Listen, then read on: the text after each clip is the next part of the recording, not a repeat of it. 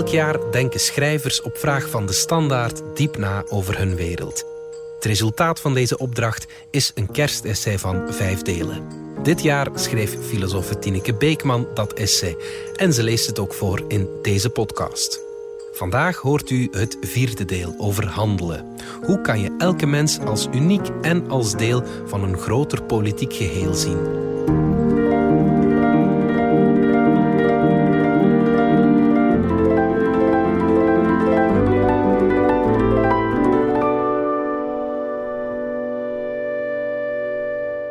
Crisis zouden mensen bij uitstek kunnen aansporen om na te denken over hoe ze op nieuwe manieren willen produceren, consumeren, samenleven.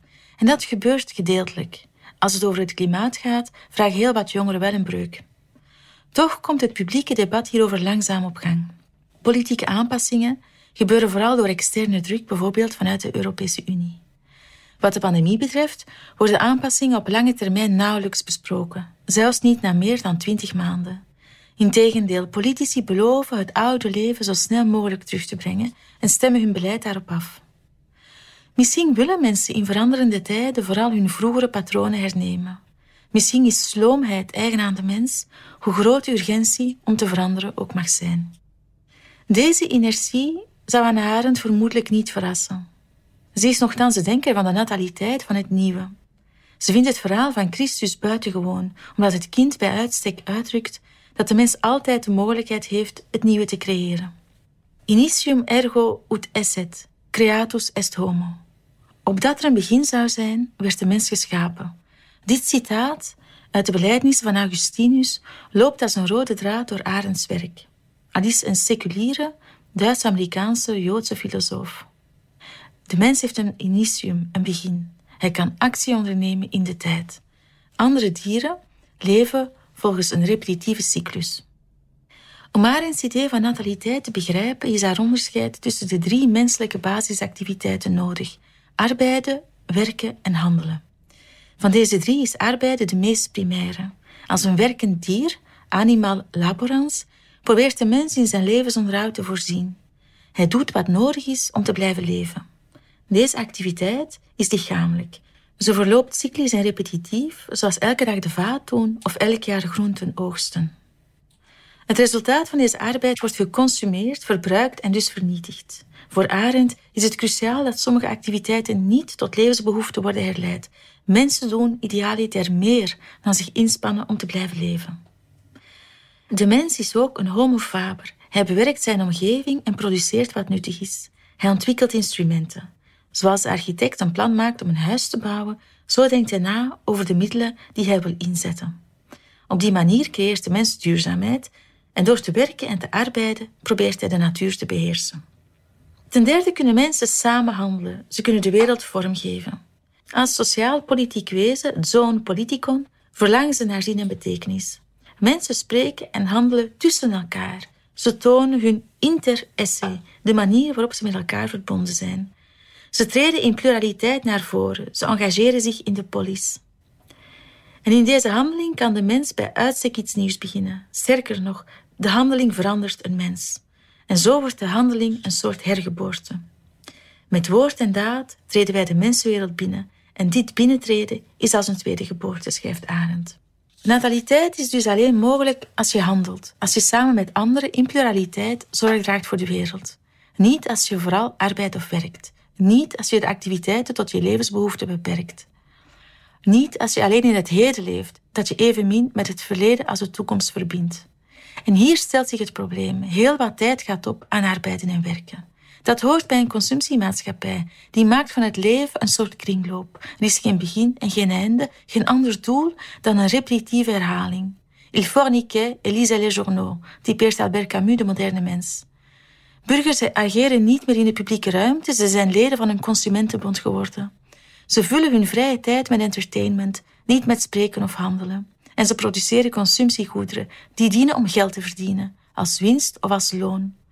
Ze bekommeren zich om economische activiteiten, niet zozeer om de politieke, en met de politieke activiteiten bedoelt Hannah Arendt niet zozeer partijpolitiek. Deze economische visie komt met een zware prijs. Arendt heeft het over een waste economy, een economie van verspilling, waarin alle dingen even snel moeten worden opgesleed en weggeworpen als ze zijn geproduceerd, wil het hele proces zelf niet plotseling een catastrofaal einde nemen, schrijft ze in de menselijke conditie.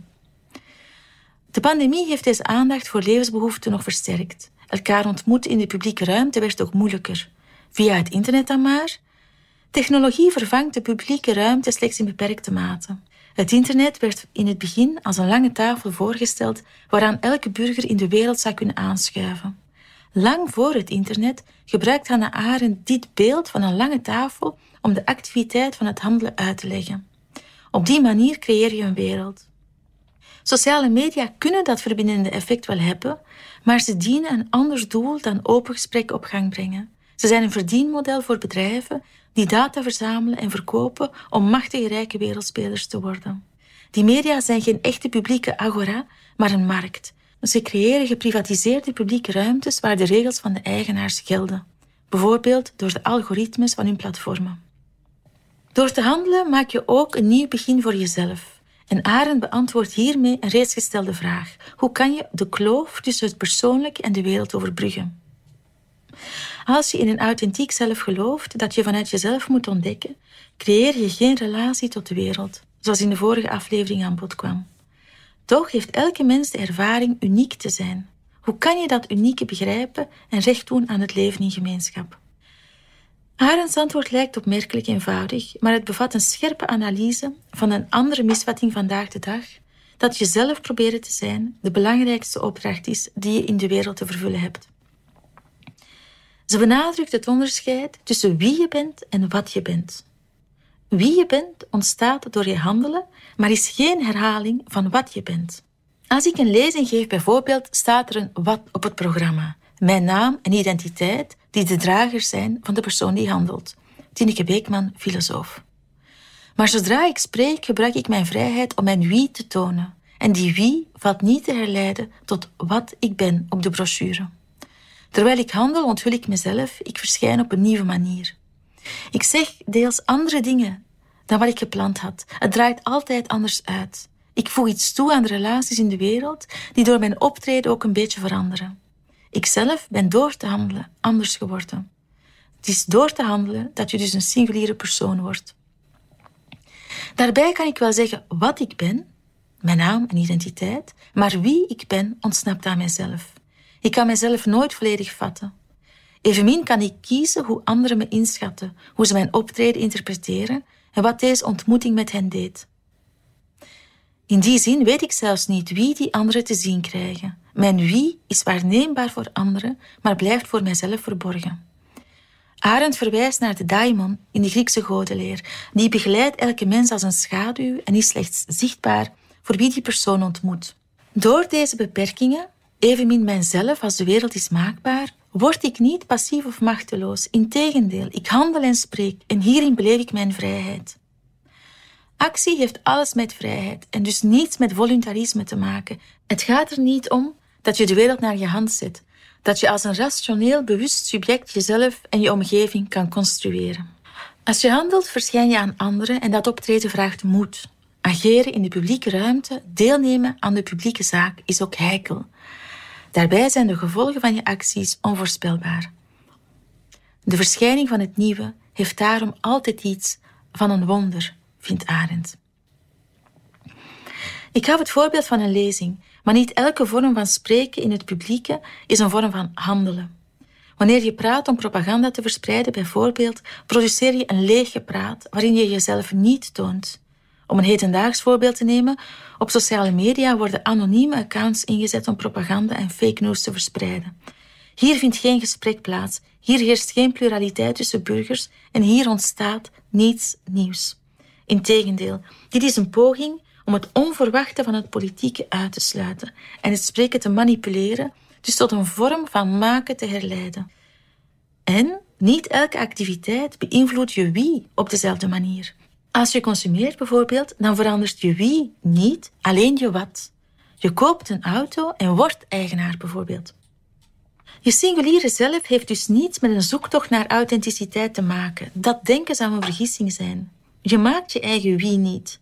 Anders benader je je eigen mens zijn als een object dat je kan bewerken. Dan verwar je de mogelijkheid tot maken die je hebt als homo faber met wat het betekent om te handelen, om een zoon politicon te zijn. En het zelf is ook niet iets dat je diep verborgen in jezelf kan ontdekken.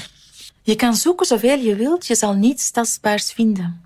In het spreken en handelen met anderen, daar toon je jezelf. En dan zien de anderen iemand die je zelf niet ziet. Niemand is dus de ontwerper van zijn verhaal. Die gedachte staat haaks op de huidige tijdsgeest, waarin mensen hun positie, prestige en successen vertellen als het resultaat van hun geplande ondernemingen. En toch is ieder held van zijn verhaal, al dus Arend. Alleen moet je onder held precies die persoon verstaan die de moed heeft in de openbaarheid te treden, te handelen en te spreken, en zo zijn levensverhaal telkens opnieuw te beginnen. Vooral jongeren staan onder groepsdruk om op sociale media te verschijnen. Generation Z, geboren tussen pakweg 2000 en 2010, is meer dan enige groep voor hen door technologie beïnvloed. Ze zijn opgegroeid met smartphones. Wie ouder is, herinnert zich een periode zonder die virtuele realiteit. Ooit was je een iemand waarover je niet eens de illusie had dat je die met technologische beeldvorming kon bepalen. Nu speelt technologie voor vele jongeren een cruciale rol in de beleving van wie ze zijn. Profielen op sociale media verzamelen selfies, voorkeuren en meningen. Dat heeft het gevoel van maakbaarheid wellicht vergroot. De technologie geeft de indruk dat je de wie van je handelen wel kan vastleggen en dat je mag verwachten dat de anderen zien wie jij wilt dat ze te zien krijgen en jou daar zelfs in tegemoet treden. Maar dat kan nooit helemaal lukken. Beeldvorming wordt belangrijker. Elk nieuw populair internetplatform lijkt minder ruimte voor het geschreven of gesproken woord te laten. Op Instagram kan je minder woordelijke inhoud kwijt dan op Facebook. Een liedje op TikTok dat viraal gaat, duurt misschien maar 15 seconden. Bij die beeldvorming weegt de lichamelijke verschijning door. Die kan je controleren. Door filters en Photoshop kan je je eigen beeld corrigeren. Overal ter wereld, in het Westen en China, zijn influencers op sociale media in opmars. Jongeren kijken naar hun profielen om te weten welke modes ze moeten volgen, hoe ze er moeten uitzien. Het gewenste uiterlijk kan je benaderen door spullen te kopen. Recent verschijnen zelfs berichten over jonge vrouwen en soms ook mannen die chirurgische ingrepen ondergaan om op influencers te gelijken. Anderen proberen hun verschijning te disciplineren door obsessief te trainen of hun lichaam uit te hongeren, zoals bij eetstoornissen het geval kan zijn. Bij al deze activiteiten primeren de levensbehoeften, zou je met Arend kunnen zeggen. Er is geen interesse, geen samenzijn met anderen, geen aandacht voor de organisatie van de gemeenschappelijke wereld. Ter illustratie, Greta Thunberg en Kylie Jenner zijn allebei populair bij jongeren. Thunberg is bij beleidsmakers, politici, commentatoren wellicht ook de bekendste jonge vrouw ter wereld.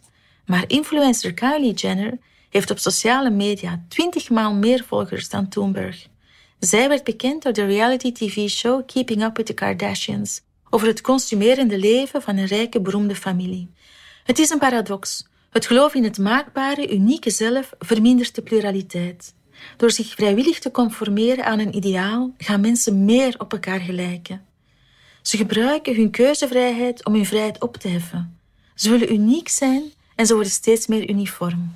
Alsof jongeren die hierin opgaan hun eigen kracht niet meer herkennen, dat de toekomst open ligt, dat niets op voorhand bepaald is en dat ze het nieuwe kunnen beginnen. En natuurlijk worden niet alleen jongeren in een consumptiemaatschappij meegesleurd. Het hoeft dus niet te verbazen dat handelen moeizaam tot stand komt. En dat bepaalt ook het toekomstperspectief. Welke veranderingen kan je nog beogen als je alleen het heden relevant vindt? Hoe neem je de toekomst mee in wat je vandaag de dag doet? Dat is het onderwerp van het laatste essay.